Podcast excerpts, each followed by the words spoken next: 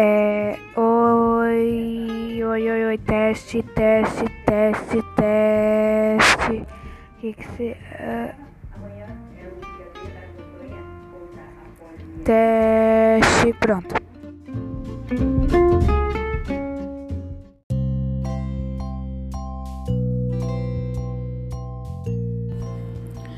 Oi, gente, uh, estamos aqui no meu primeiro podcast.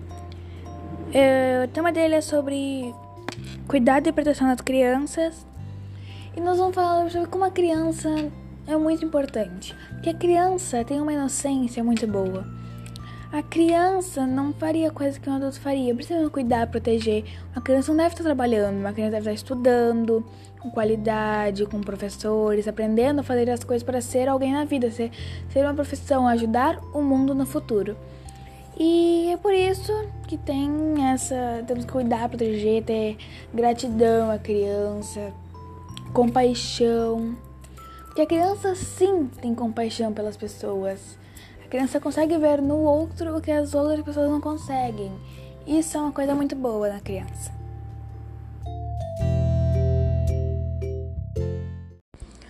Oi, meu nome é Vitória, da turma 651 do Colégio São Francisco Santa Família. E nesse podcast eu vou falar sobre cuidado da criança, que é muito importante, porque as crianças andam sofrendo trabalho infantil, que no Brasil é, 2,7 milhões de crianças e jovens entre 5 e 17 anos acabam largando a escola e começando a trabalhar por conta de ou os pais obrigam ou por conta que não tem tanto dinheiro e precisam trabalhar para conseguir dinheiro. Também tem o abuso sexual infantil, que é, no Brasil foi registrado mais de 32 mil casos. E tem E tem a fome, que é, que é no Brasil 2,7 milhões de crianças. A criança tem muitos direitos, mas também há deveres. Por exemplo, toda criança tem um direito e um dever.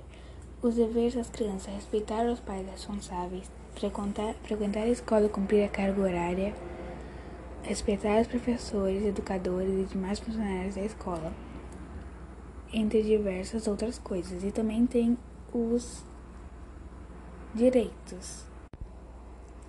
Toda criança tem direito à proteção especial e todas as facilidades e oportunidades para se desenvolver plenamente com liberdade e dignidade.